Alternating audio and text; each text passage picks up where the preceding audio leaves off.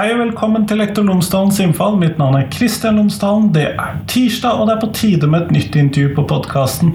Denne gangen så snakker jeg med Silje Hølland fra Oslo OsloMet. Der har hun eh, jobbet bl.a. med pedagogikk, tilpasset opplæring, spesialpedagogikk, og det er nettopp de temaene der vi snakker om. Hvordan få til inkludering, hvordan få til best mulig tilpasset opplæring, hvordan få til spesialpedagogikken oppi det hele, hvor går skillelinjene osv. Dette er det som er tema på podkasten denne gangen. Så det håper jeg du setter pris på. Ellers, podkasten er som alltid sponset av Cappelen Dam Utdanning. Og hvis du går inn på skolen.cdu.no, så finner du alle de ressursene som eh, Cappelen Dam Utdanning har laget i forbindelse med fagfornyelsen i grunnskolen. Alle tema, alle årstrinn, alle fag, alt sammen, det finner du der. Gå inn på skolen.cdu.no. Men her nå, nå får du intervju med Silje. Vær så god.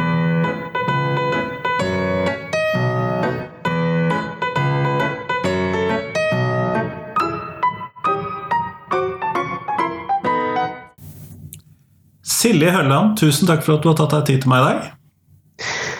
Du, tusen takk, og takk for at jeg fikk eh, lov til å komme. Før vi starter selve intervjuet, så hadde jeg håpet at du kunne fortelle lytterne mine tre ting om deg selv, sånn at de kan få bli litt bedre kjent med deg. Ja. Eh, først så kan jeg jo si at det, det, det hører du jo kanskje. Eh, så er jeg jo er fra Sør-Vestlandet. Eh, noen velger å kalle det Sørlandet, men det er Vestlandet som er identiteten. Jeg er fra Sandnes-Stavanger-området. Eh, jeg vokste opp der, men har bodd eh, Nå har jeg faktisk bodd lenger i Oslo enn jeg har bodd der hjemme. Og, men jeg sier fortsatt at jeg skal hjem når jeg reiser vestover. Så det, der kommer jeg fra. Og så er jeg utdanna logoped og spesialpedagog.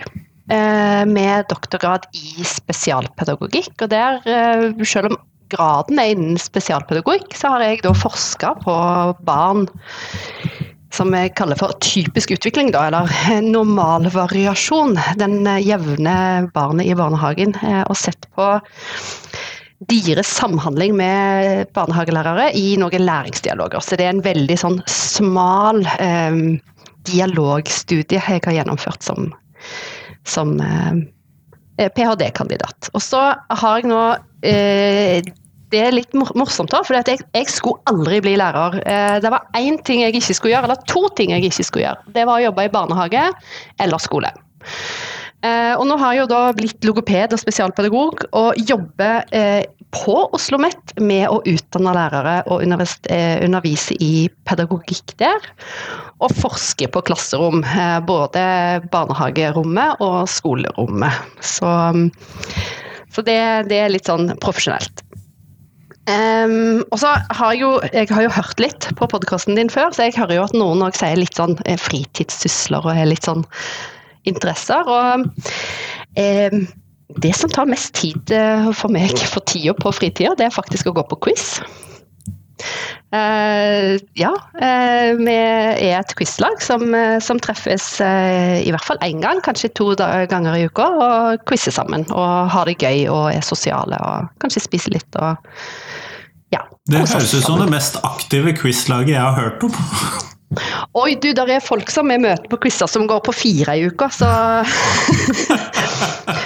Men de er da òg med de gode, eh, noen av de lagene som eh, gjør det. det... Vi, er sånn, eh, vi er med for gøy skyld og prøver å lære litt i tillegg. Ikke et konkurranselag, altså? Vel, jeg er jo kjent for mitt sterke engasjement og konkurranseinstinkt, så Men ja. vi, har, vi, har, ikke deltatt i eh, eh noen konkurranser ennå. Nei. Nei. Men Kjempeflott. Du, Det er jo nettopp dette med spesialpedagogikk vi to skal snakke om. Og hvis vi da starter veldig sånn bredt på det, hva slags eh, prinsipp er det som ligger til grunn for den spesialpedagogikken som vi har ute i skolene? Ja um, det, det, er jo et kjempestort spørsmål. uh, og jeg tror, jeg tror, kanskje at jeg må dele det, dele det litt opp. fordi altså, Jeg tenker jo at det, Inkludering eh, er jo kjempeviktig eh, å ha med i dette. her, At vi tenker at alle elevene som skolen kan møte, eh, de skal ha en plass i skolen. Hvis de ønsker det.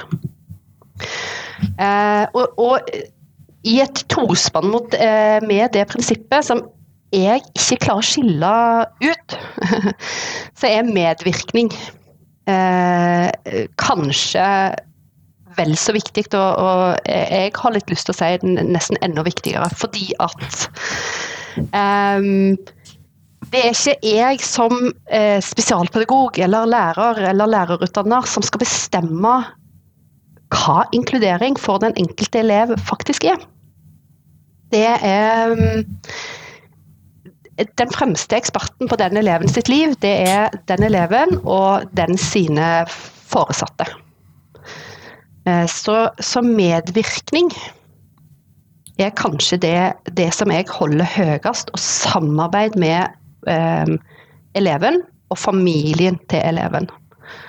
Nettopp. Så kommer alt det andre etterpå. Jeg hadde tenkt å spørre deg om hvordan, eller hva er det du anser for å være inkludering, men da hører jeg jo at det kanskje er litt vanskelig å definere, siden det til dels er subjektivt?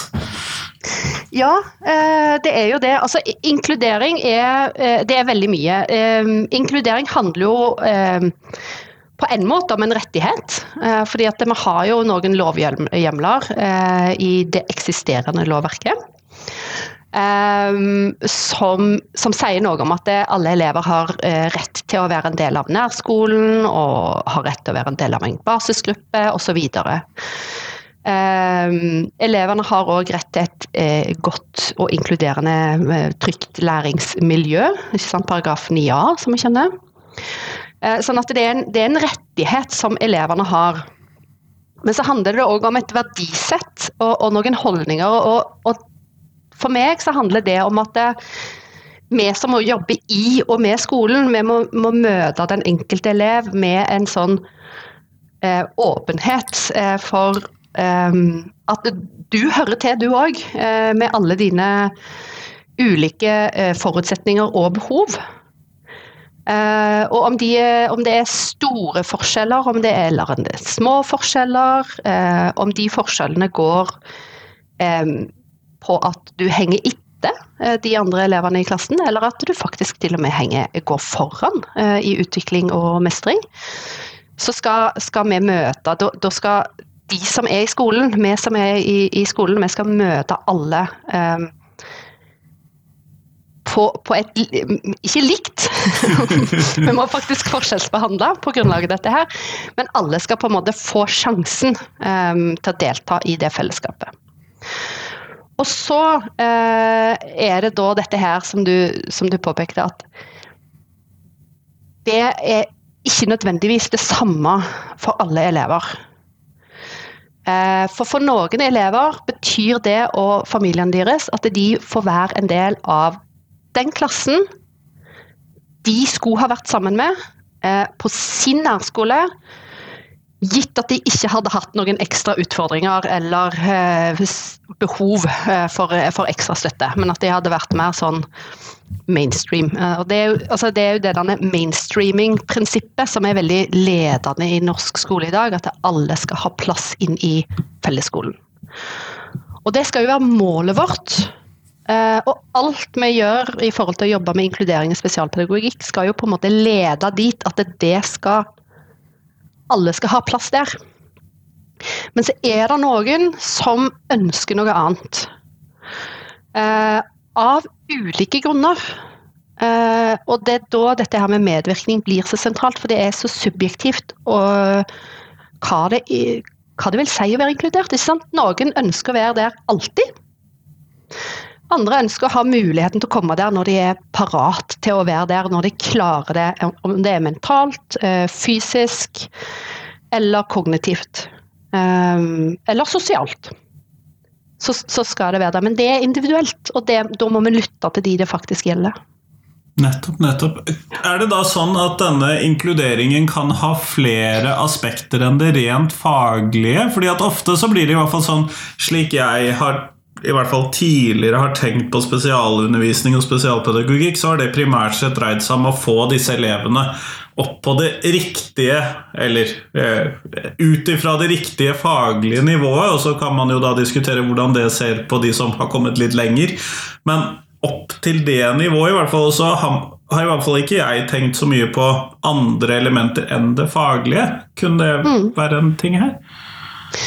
Absolutt. Og det er òg litt av skal vi si, utfordringen i denne jobben. Fordi at eh, det er veldig lett å komme i denne altså, Hvis vi ser på statistikken i forhold til spesialpedagogikk og inkludering, så vet vi at eh, andelen elever som mottar spesialundervisning, den stiger. Eh, det er lite utbytte faglig. Sånn at det, det vi hører om i media når, vi, når, når det snakkes om dette temaet, er nettopp det faglige presset. Mens eh, det, det, er jo noe med at det, eh, den faglige dimensjonen er bare én del av det store som heter inkludering. Altså, skolen skal jo jobbe med faglig og sosial læring. Det står i alle grunnlagsdokumentene. Eh, sånn at det, og det er en kjempeviktig bit av det. Du skal, være, altså du skal ha en tilhørighet. Du skal ikke bare være plassert inn på skolen fysisk for å jobbe med de samme tingene som dine med, medelever. Du skal faktisk være en del av det fellesskapet. Eh, sånn at det, eh, Da må vi jo på en måte etablere det fellesskapet. Og så eh, må vi jo sørge for at disse elevene faktisk er i stand til å mestre og delta i det fellesskapet på sine Ut ifra sine behov, da. Um, og så er det òg en, en, en, annen ting, og det er denne litt mer sånn personlige læringen som òg skjer. ikke sant? Den, den, som går mer på sånn opplevelsen av å være inkludert. Uh, og òg det altså lære med noe annet enn bare faglig og sosial, altså sosial kompetanse. ikke sant? Det å kunne ta ja, være med i en dialog og sånt. Uh, men empati er jo òg noe som på en måte er en del av den læringen, og den mer personlige læringen. Og der tenker jeg, der er jeg veldig opptatt av at uh, dette går begge veier. Det er ikke bare de altså, i gåseøyne da, litt spesielle, rare elevene. ikke sant? De der er noe med, som skal inkluderes inn i det fellesskapet fordi at det, vi skal være satt på spissen greie. Men dette her skal jo være et fellesskap som faktisk rommer hele mangfoldet. Og da er det jo noe med at det, um, som jeg er veldig opptatt av i inkluderingen, det at det, um, og Vi kan sikkert komme tilbake til det, men det er jo sant, utfordring til lærerne i å tilpasse opplæringen til de som henger etter, er at de som er gjennomsnittlige, kanskje må vente ekstra lenge og ikke komme dit de skulle ha vært. Sånn det, med, det, er en bekymring det er for at enkelte elever mister noe fordi at vi skal ha med alle. Ja. ja. Og da tenker jeg at jeg, jeg, jeg, ønsker å snu på det, og det har jeg jobba mye sammen med skoler om uh, i min tidligere jobb, når jeg var på, uh, i Statped. Det er liksom, ok, men hva annet kan de andre elevene lære i den, det samarbeidet med noen som faktisk trenger litt ekstra hjelp og støtte? Og da det, det, tror jeg er viktige egenskaper som vi trenger i samfunnet. Og jeg tror òg at elevene trenger den, den, kompetansen og de ferdighetene i møte med sin egen læring, på en måte. ikke sant? Det å ta hensyn til å være en del av fellesskapet. Um, til å jobbe med andre, samarbeide. Uh, så ja. Og dette er jo på mange måter en sånn, hva skal vi kalle det, felles problemstilling, nesten uavhengig av om det er spesialpedagogiske problemstillinger, eller hva skal vi kalle det Jeg sliter med å finne et ord. Normalpedagogiske Folk burde se de store gåseøynene ja. mine her. Normalpedagogiske problemstillinger. mm. Fordi at det ofte det er jo et eller annet sted mellom 24 og 32 elever i disse klasserommene, og det, det er mange elever per lærer. Mm. Det er helt klart. Og, og det er, ikke sant, jeg har jo, jeg har jo skrevet en bok om dette her. ikke sant? Og det er, en, det er en grunn til at den boka heter 'Inkludering og tilpassa opplæring', og ikke 'Inkludering og spesialundervisning'. Og Det handler om nettopp det prinsippet, for alle elever i skolen har krav på tilpassa opplæring. Det er en kollektiv rettighet som skolen er forplikta å gi til alle. Og så er det da noen få elever eh, som da, hvis de da ikke klarer Altså hvis de ikke får det utbyttet de skal ha, faglig og sosialt, etter mine, min standard, så, ha, så, har de krav på det som heter spesialundervisning, som er en ekstra tilrettelagt tilpasset opplæring. Og alt det skal jo gå innenfor det som vi kaller for den ordinære undervisningen, som det heter på Det står det jo om på Utdanningsdirektoratet sine hjemmesider. Der har de et veldig sånn vi har et veldig fint bilde der, egentlig, som er en sånn sirkel. Eh, der det står under uh, ordinær undervisning, og så står det liksom tilpass opplæring. Altså, tilpass opplæring er rammen for hele sirkelsen, sirkelen, og så er det spesialundervisning og ordinær undervisning, som er på en måte delene i der. Um, I den tilpass opplæring som er for alle. Og Det syns jeg favner litt det, vi, det prinsippet der. Det gjelder for alle. Nettopp, nettopp. Men hvis vi da går litt tilbake til, til disse elevene som kunne eh, tenke seg Eller som syns det er vanskelig å være en del av klasserommet da, på en eller annen måte, og som ikke normalt sett befinner seg der. Eh, hvordan blir de inkludert, eller hvordan kan man jobbe for å inkludere dem? Det, det fremstår som litt vanskelig for min del. Det er jo den store, store, store utfordringen eh, som eh, alle som eh, har vært i et klasserom kanskje kjenner på, og spesielt lærere som jobber i klasserommene hver dag, kjenner på antageligvis hver dag. For det er jo kjempevanskelig. Det er en stor utfordring å få til det. Og det er jo sånn at du klarer ikke møte alle elever alltid.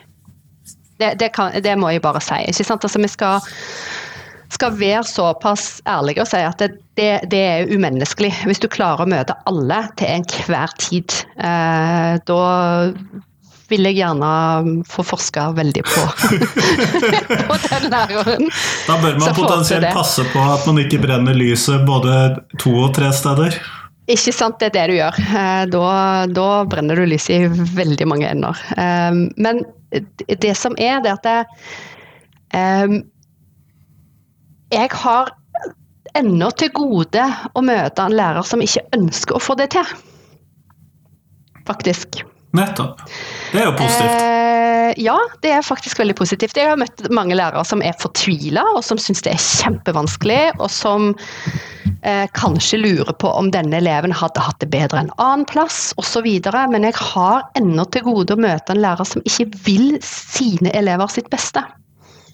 Og Det er veldig viktig for meg å få fram, og eh, det er en grunn til at jeg ønsker å jobbe på lærerutdanning og ikke sitte og sysle med bare spesialpedagogikk lenger. fordi jeg, jeg har møtt så mange lærere som ønsker så veldig.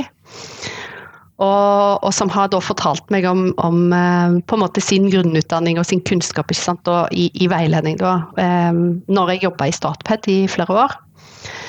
Eh, så Derfor ønsker jeg på en måte å møte de når de er studenter, og få formidla noe av dette her til de.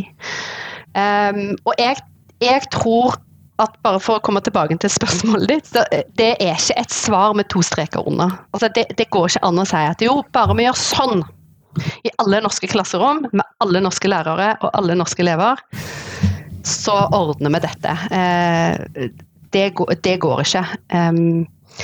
Det handler om eh, den kommunen den skolen ligger i, eh, det nabolaget den skolen ligger i, antall elever i klassen, hvem de andre elevene i klassen er, hvem som er lærer, hvem som er rektor, og hva foreldrene og den eleven det gjelder, um, ønsker. Uh, sånn at det, det går ikke an å, å ha en sånn one size fits all når det gjelder pedagogikk. Altså. Det, det, det tror jeg ikke. Um, men jeg tror at med eh, da medvirkning, som jeg sa tidligere i, i, i uh, samtalen. Og uh, det å jobbe sammen, altså samarbeid på skolen.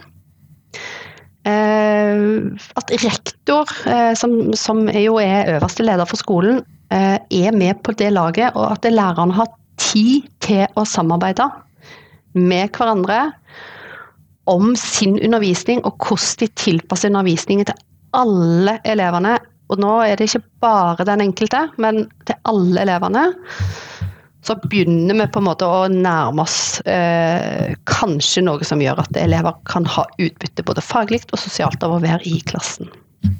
Eh, men du, du, nevnte jo nå foreldrene også, du har trukket de fram innimellom. Og så er det jo da dette med medvirkning og muligheten til å være med å bestemme. Men hva når foreldrene og elevene er uenige om hva som eh, ønskes, og hvordan inkluderingen er, og hva som er inkludering for den gjeldende eleven? Har du noen tanker der? For de vil jeg, vil jeg Jeg har ennå ikke møtt disse situasjonene. Det har jeg heldigvis mm. kanskje sluppet unna. Eh, men jeg ville anta at det er en situasjon en del lærere står i innimellom. Ja, det kan godt være. Um, altså, det kan jo være at det er foreldre som er litt sånn uh, altså, løvemamma og løvepappa, som er, jeg sier er, det er jobben deres. Vi i skolen vi har uh, valgt å være der. Uh, foreldrene og elevene har ikke det. Uh, de kan jo ha hjemmeundervisning, det er jo fullt mulig. Det er opplæringsplikt, ikke skoleplikt. Men det er nå sånn en gang at de aller, aller, aller fleste av elevene i skolen i Norge går på skole um, i en eller annen form. Um, men hvis, jeg har aldri vært borti at det har vært eh, uenighet mellom foreldrene og eleven. Nei. Men jeg tenker det, det, må jo Det avhenger jo av alder, tenker jeg. Fordi at det, eh, Du er vel eh, på videregående nivå, hvis jeg har eh, forstått det rett? Jeg er på videregående nivå. Alle ja. mine elever har fylt 15, og de ja. kvalifiserer i forhold til barneloven og en del sånne ting. Ja. Så de er litt greiere, heldigvis. Så jeg tenker at der er det greit. Og i første klasse så tenker jeg at de er ennå såpass små at det ja, de, de, skal bli hørt. Og jeg eh, hadde nok jobba veldig tett med de foreldrene for å få fram den ungen sitt perspektiv. Eh, og så får lærerne og, og eh, foreldrene òg eh, jobbe med ungen i forhold til å på en måte okay, oppmuntre til, til hvis, hvis, vi mener liksom at det er faglige argumenter for at ungen tar altså, feil i gåseøyne, da. men jeg tenker at Den største utfordringen ville jo vært på type mellomtrinnet opp mot ungdomsskolen. altså fra mellomtrinnet opp på ungdomsskolen, at det, hvis, det er, hvis foreldrene f.eks. For er veldig opptatt av at mitt barn skal gå på nærskolen, eh, mens eh, ungen egentlig ønsker å gå på en annen skole med elever som liker seg sjøl, eller kanskje til og med omvendt så eh, er det viktig å, å, skynde seg langsomt, tenker jeg. Um, ta tid til å bearbeide, til å snakke med både foreldrene og elevene. Eh, eller eleven som det hjelper, sånn at, det, at det, når det blir tatt en avgjørelse, at den er til det beste for eleven. For det er jo det, er jo det som er det viktigste. Barnets beste er jo på en måte ledestjerne for alt som skjer i skolen. Eh, og rundt, eh, rundt, unger her i, i landet. Mm. Eh, så, så, det Igjen så tenker jeg at det, ja, samarbeid, medvirkning og lytte på den det faktisk gjelder, eh, tror jeg er um, det viktigste. Og så er nok jeg aller, aller, aller mest på lag med ungen. Og så foreldrene. Så sånn, mer sånn, det er litt sånn eh, verdistandpunkt som jeg som, som eh, spesialpedagog og veileder, eh, rådgiver i det, min tidligere jobb, har tatt. Det at eh, jeg, er, jeg, er, barnets advokat, først og fremst. Um, ja. Nettopp. Mm. Men, eh, og dette er jo på mange måter hva skal vi kalle et praktisk dilemma. Eh, mm. Fordi at det ligger noen rettigheter og føringer, og de tidvis kolliderer. Men er det noen andre av disse rettigheter Er det noen andre sånne dilemmaer knyttet til disse rettighetene som er, ligger der i, spesial, i tilpasset opplæring og i inkludering? Som er verdt å huske på, i hvert fall. Ja. Altså, det er jo litt det som vi har Vi var jo inne på det i stad. Dette her med eh, eh, altså, den enkeltes rett eh, opp mot fellesskapet sin rett. Eh, og det er jo noe alle lærere kjenner på, på ganske ofte, vil jeg tro. Eh, og kanskje får får mye henvendelser fra, sine, fra foreldrene til sine elever. Det vil jeg tro at skjer en gang imellom. Ja, det, det er nok ikke uvanlig. Eh, og det å skulle ta hensyn til én framfor hensynet til alle, eh, det, er, det er en utfordring. Og et sånn veldig praktisk eksempel som jeg har møtt på mange ganger i Statped når jeg jobber der.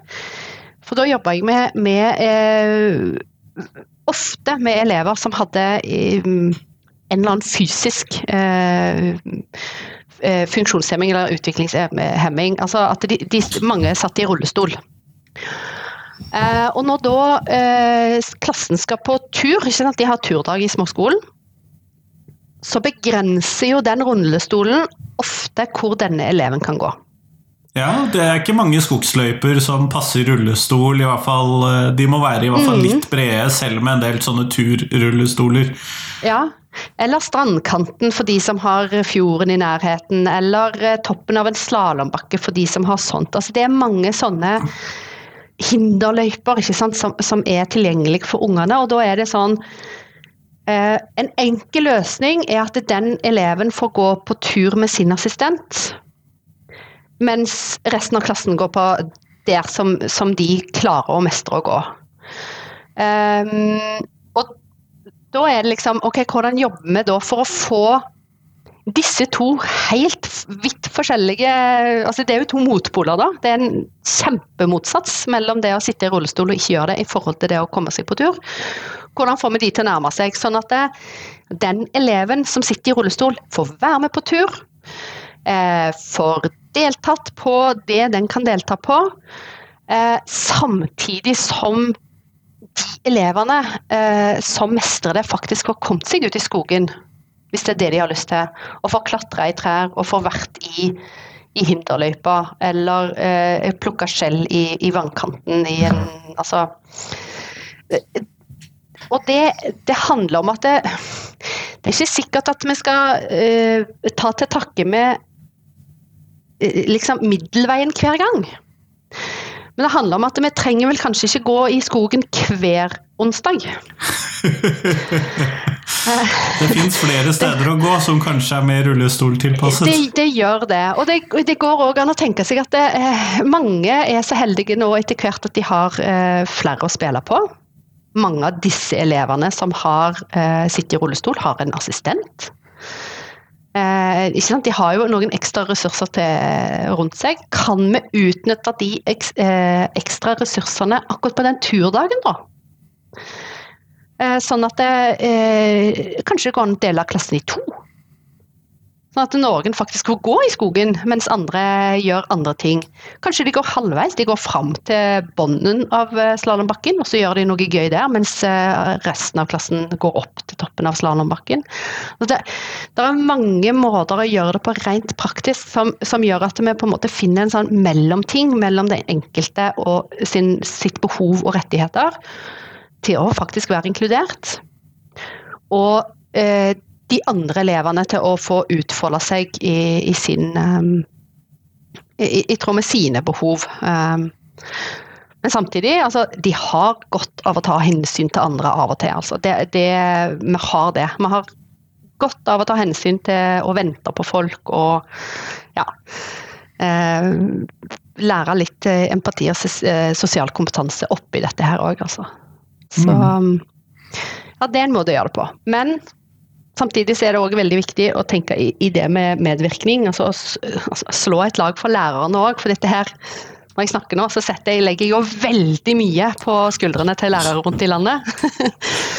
og det er absolutt ikke min intensjon. Altså, lærerne gjør en kjempejobb, og, og det er en kjempeutfordring eh, for de, og noen ganger må læreren og skolen ha lov til å si at ok, vi klarer dette. Og vi skal jobbe på å få til enda mer, men akkurat nå så er det dette vi får til. Fordi at det er medvirkning og medbestemmelse betyr ikke at du skal få alt du vil. Ikke sant? Eh, det, er òg veldig viktig. Det er godt nok. Det er tilfredsstillende læringsutbytte som står i opplæringsloven. Um, og så, sånn at det, skolen og lærerne må også få lov til å senke skuldrene og si at det, altså, vi kan ikke mer enn en det beste eh, vi får til. Altså, så lenge vi har gjort alt det beste vi klarer, så, så er det godt nok. Og så blir det, Det vel viktig viktig i sånne seg. situasjoner også å prate med brukerorganisasjonene, og sånn at man kan få tips. For jeg antar at i de fleste sånne situasjoner så har brukerorganisasjonen for den gjeldende gruppen har vært borti en eller annen situasjon som ligner, og et eller annet hjelpemiddel eller eh, måte å gjøre ting på som kanskje funker bedre. Det er så mange kule hjelpemidler ute der. og altså, jeg, har, jeg har stått og sett på. altså Jeg måtte gå inn, for jeg har vært ute i friminuttet på en skole der de hadde en sånn hinderløype oppe i skogen på uteområdet sitt. og der eh, en gjeng med andreklassinger føyk med en, en rullestol med en unge som på en måte ja, eh, satt i denne rullestolen og er spent fast i den rullestolen. altså De, de kommer seg ingen vei. Og Der var det opp og ned og fram og tilbake og hinderløyper som var tilpasset denne rullestolen. og De gikk jo i 110. Jeg hadde fått lett hjerteinfarkt, hører jeg. Ja, altså Jeg måtte som sagt gå inn, for det, det, det, det hadde ikke jeg mage til å sitte og se på. Men, men, eh, så, så det lar seg gjøre. Altså, der er noe som heter skilator. altså Det er jo tandemski. Ja, du, du sitter i en kjelke foran, og en, en eller annen kan stå bak og kjøre slalåm. Altså det, det er masse som går an å få til, bare vi har viljen til det. Kjenner noen som har vært på kanotur med i saccosekk. Eh, og rullestolen er pakket sammen i kano nummer to. Sånn at det lar seg gjøre. Eh, det er vel egentlig fantasien som, eh, som stopper mer enn teknikken, og heldigvis, da. Men hvordan tenker du samarbeid eh, både på skolen og kanskje med sånne spesialpedagoger som deg og sånn, hvordan eh, bør det løses?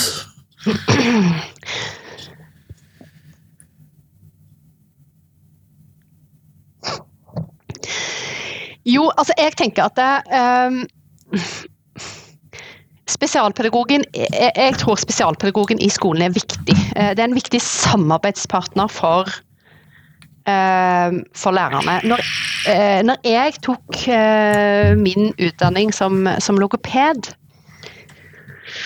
for eh, 15 år siden, så, så var vi inne. ikke sant? Da kom logopeden og så hentet de ut enda en elev. Mm, det husker jeg fra min ja. egen barneskole.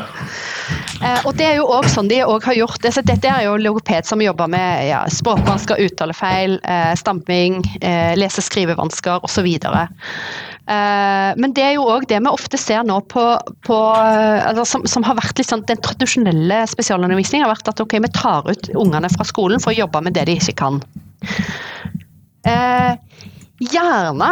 Eh, I sånne tilfeller så, så er det, som jeg skriver i har et case i boka mi, en elev som begynte på første klasse med autismespekterforstyrrelser. eh, s- var lettere å føre en samtale med den eleven på engelsk enn på norsk. Det har jeg vært borti en del ganger. Ja, eh, og det, det, det kan jo sikkert de som kan mye om autismespekterforstyrrelser si mer om meg eh, om årsaken til, men det var i hvert fall det som var greia med den eleven. Og da var det jo en skole som ikke hadde hatt så mange elever av denne, så de gjorde jo det aller, aller beste de kunne. Ehm, og dermed så eh, Når klassen da hadde engelsk, for de har jo engelsk i første klasse, i de timene så ble den eleven tatt ut for å jobbe med matte. For det, matte var det den eleven strevde mest med. Ja. Og det er jo, jeg, altså, jeg, forstår jo veldig godt intensjonen, og det er den beste intensjonen. For ikke sant, da skal du eh, styrke Dette fikk det eleven som til, og matte fikk den ikke til, så da bytter ja, vi. Ja, sant? Så da, da tenker vi liksom ok, da trenger du ekstra tid i matten, derfor gir vi deg det. Og det er jo kjempe, altså Ideen er jo veldig god, og eh, intensjonen er jo eh, egentlig prisverdig, men, men det blir litt feil. fordi at det, å være en elev eh, på en liten skole med autisme-spekterforstyrrelser, du er den eneste eleven på hele den skolen som, som det er noe sånt med, for å si det. ikke sant? Alle vet jo hvem, hvem den eleven er etter hvert på skolen. Det blir forsterka av at du blir tatt ut, istedenfor da å tenke at oi, her har vi en førsteklassing som snakker i fullstendige setninger på, eh, på engelsk. Det er der ingen elever i den klassen som kan, utenom denne eleven. kanskje den eleven kan få vise hva den kan. Kanskje det er den sin, eh, sin, tid til å skinne. Kanskje den eleven faktisk kan være en ressurs for læreren i de, den ene timen i uka der de faktisk skal jobbe med engelsk. Eh, og, og, det var jo faktisk eh, Nå er den eleven så, så, heldig at den har en tante som er spesialpedagog, og en mor som er engasjert, og en rektor som virkelig ville. Eh, og lærere som virkelig ville. Så det var jo bare å ta en prat og si at hei, kanskje vi kan snu litt på denne her. Og det gjorde de på stående fot. og, og eh, sånn, sånn at det, Men det, handler jo òg om, om, kunnskapen ute på de ulike skolene. ikke sant? Jeg har jo jobba veldig mye i type det sentrale østlandsområdet, for det er jo her jeg har bodd etter at jeg, altså fra jeg studerte og når jeg har vært yrkesaktiv. Men altså, inni en fjordtarm og på Innlandet, altså langt oppe på en, en fjellknaus. Det er mye små skoler og små kommuner. Ja, og der ser de én elev, og så går det kanskje et helt skoleløp til de ser neste elev med en lignende type behov. Og da er den kompetansen glemt. Og da blir jo spesialpedagogen den kjempeviktige ressursen da, på å være med inn der ikke sant? i samarbeidsmøtene. Jobbe sammen med lærerne, være veiledere. ikke sant? Vi har jo lærerspesialistutdanningen, f.eks., eh, som, som mange mener veldig mye om. Men en av de tingene som jeg tror er bra med den, eh, er jo at vi får lærere ut i skolen som har spesialpedagogisk kompetanse, og som kan være en del av sitt team, og som faktisk kan være med på å jobbe for alle elever og få tilpassing til alle elever. Um, ja. Og det er jo Jeg tror du svarte ganske grundig på det spørsmålet mitt der. Og, og da må jeg jo nesten fordi at jeg har jo også vært borti situasjoner selv hvor foreldrene helt uttalt har sagt at vi er ikke så veldig bekymret for det faglige, det faglige er bonus. Hvis vi fikser det sosiale, så er de evig takknemlige. Mm. Um, alt, alt, faglig, det er pluss. Det, det, er ikke det som er viktig for dem nå. Uh, og det er jo på mange måter en bestilling som litt sånn, hva skal vi kalle det, det setter noen rammer og begrensninger inn i dette hvordan vi skal prøve å inkludere, og hva vi skal ha som målsetninger. Da. Hva tenker du om det?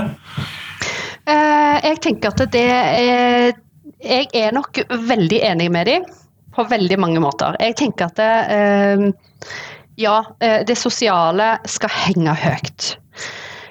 Samtidig så tenker jeg at vi skal ikke sette tak på disse ungene heller.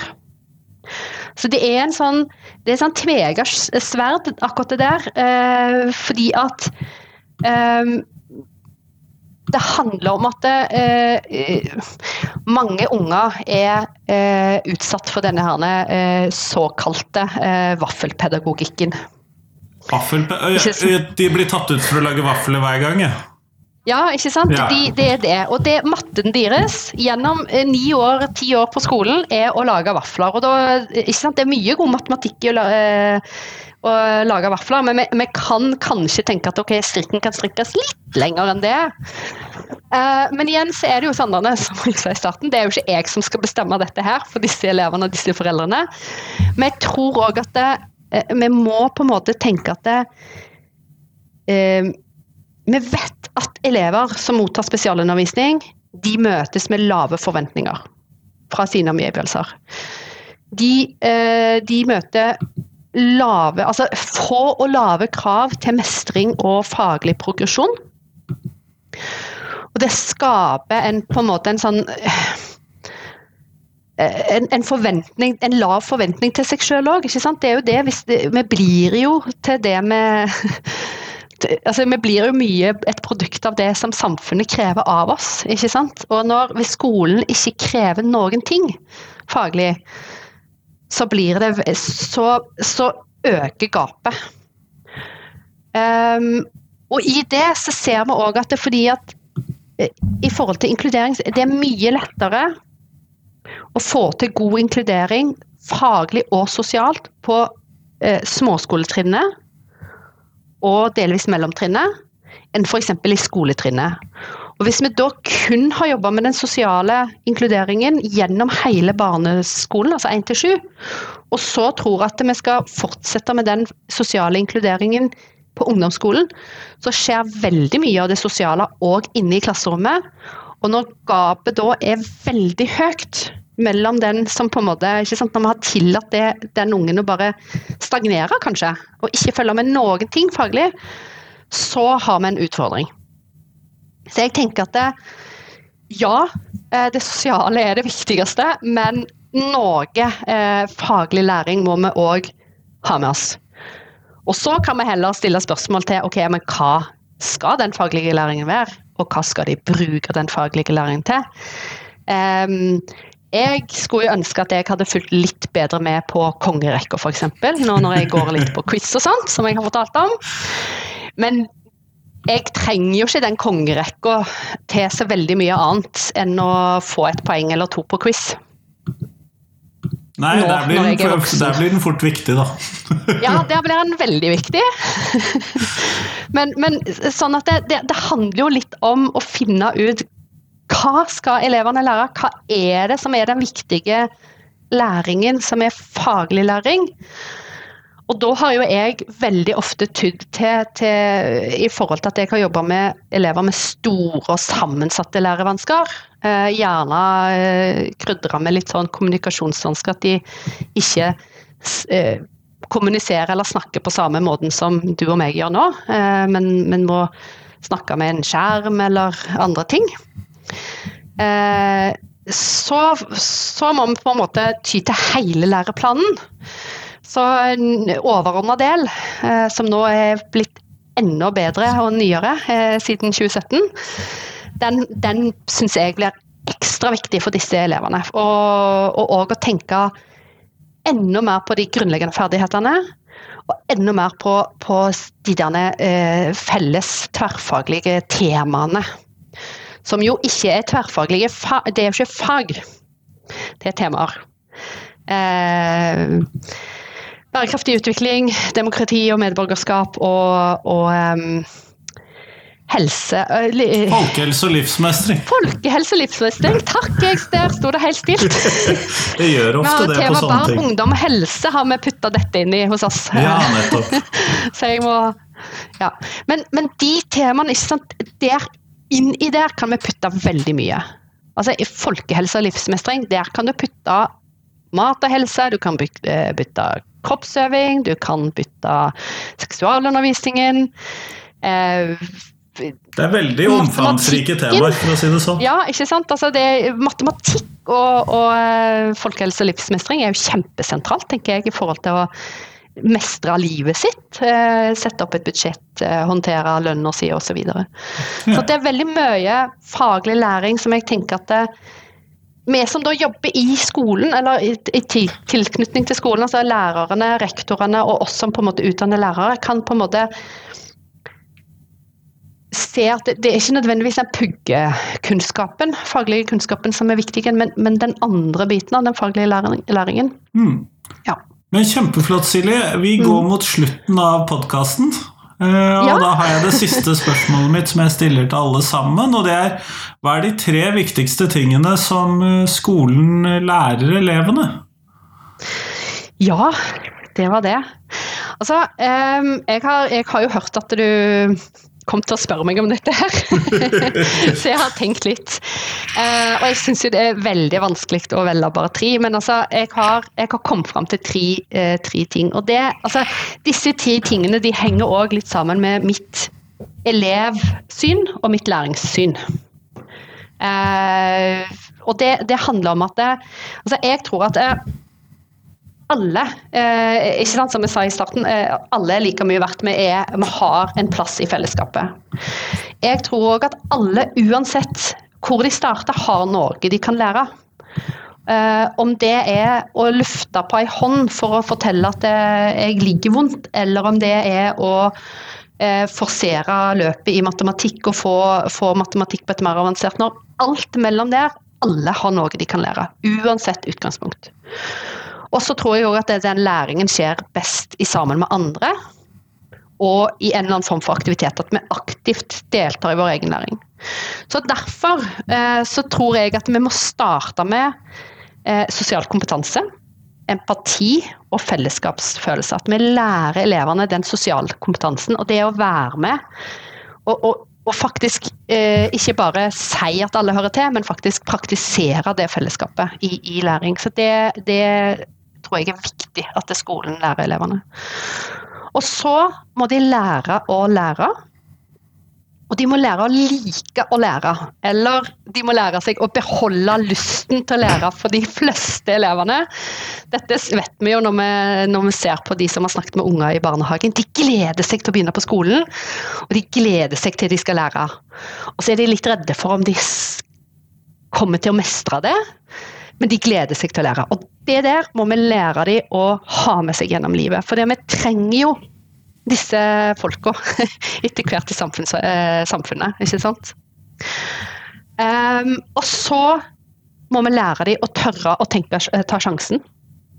Vi må lære dem at det, det å ta feil, å prøve å feile, det er ikke farlig. Og det tror jeg er spesielt viktig for de elevene som, som, strever litt ekstra. fordi at de lærer fort. At jeg prøver alt jeg kan, og så går det galt allikevel. Eh, og vi må lære de at det er ikke ferdig farlig, det er sånn du lærer. Um, så Det er de tre punktene, og da er det den største utfordringen. Da, det er at det undervisningen og vurderingen den må jo følge det. Da må vi ikke måle dem på 15 ulike punkt når de skal lage en skjærefjøl i sløyden. Altså. Eh, nå må de på en måte vi må, vi må, følge etter det. Bestillingen ble ikke mindre, hører jeg inn i dette. Den gjorde jo ikke det. Men Kjempeflott. Jeg skal ta og slenge en lenke til eh, boken din inn i shownotesen. Og så får du ha tusen takk for at du ble med på podkasten. Ja, tusen takk, og takk igjen for at jeg fikk lov å komme. Det var kjempefint.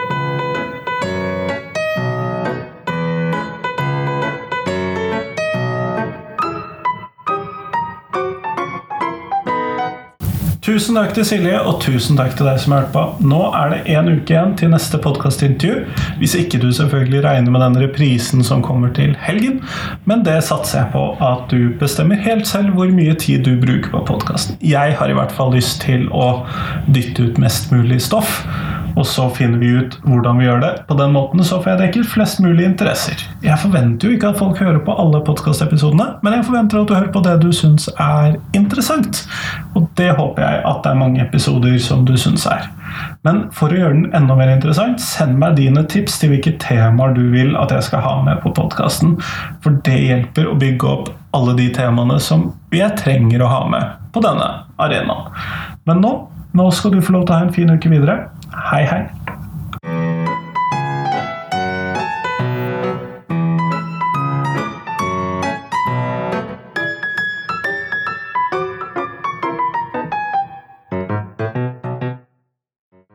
Husk det at du kan gå inn på iTunes, podkaster andre steder, og så rate podkasten. Det blir jeg kjempeglad for. Gjerne full pott, selvfølgelig. Men vi høres!